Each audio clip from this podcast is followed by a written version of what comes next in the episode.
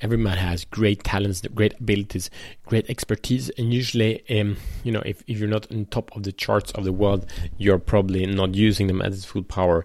I'm getting there, reaching the 58th spot of the podcast chart in Sweden today. I'm happy about that.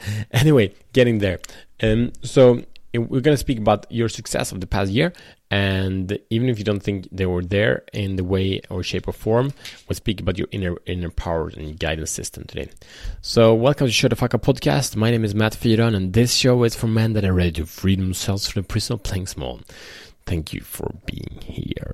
All right so this is um, the um, looking at your inner qualities. Before yesterday we checked in on the results but the results are, are also always a result of who you are and um, how you're showing up the things you've been studying the things you're taking action on.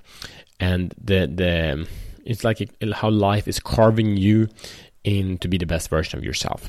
So your mission should you choose accepted here is to identify what expertise have you been developing, like wh- where have you been putting your time and effort, love and attention, uh, and as a result of that, becoming more and more an expert in that area, in that field. What personal powers and abilities did you develop as a result from that? What have inspired you and who have you inspired? And a way to check in on the result here is also like where and how have you been creating synergy with other people?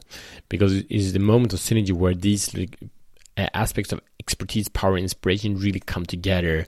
That you really get a, a in a sense, a proof that we as nice guys often are looking for, uh, pleasers. That we uh, get the ink on the paper, kind of thing. So identify these things and uh, harvest the insights. What, what are your insights by checking in on these points? And share this episode with the man that's awesome and he needs to see how awesome he actually is. That's it. Thank you. I see you tomorrow as better men.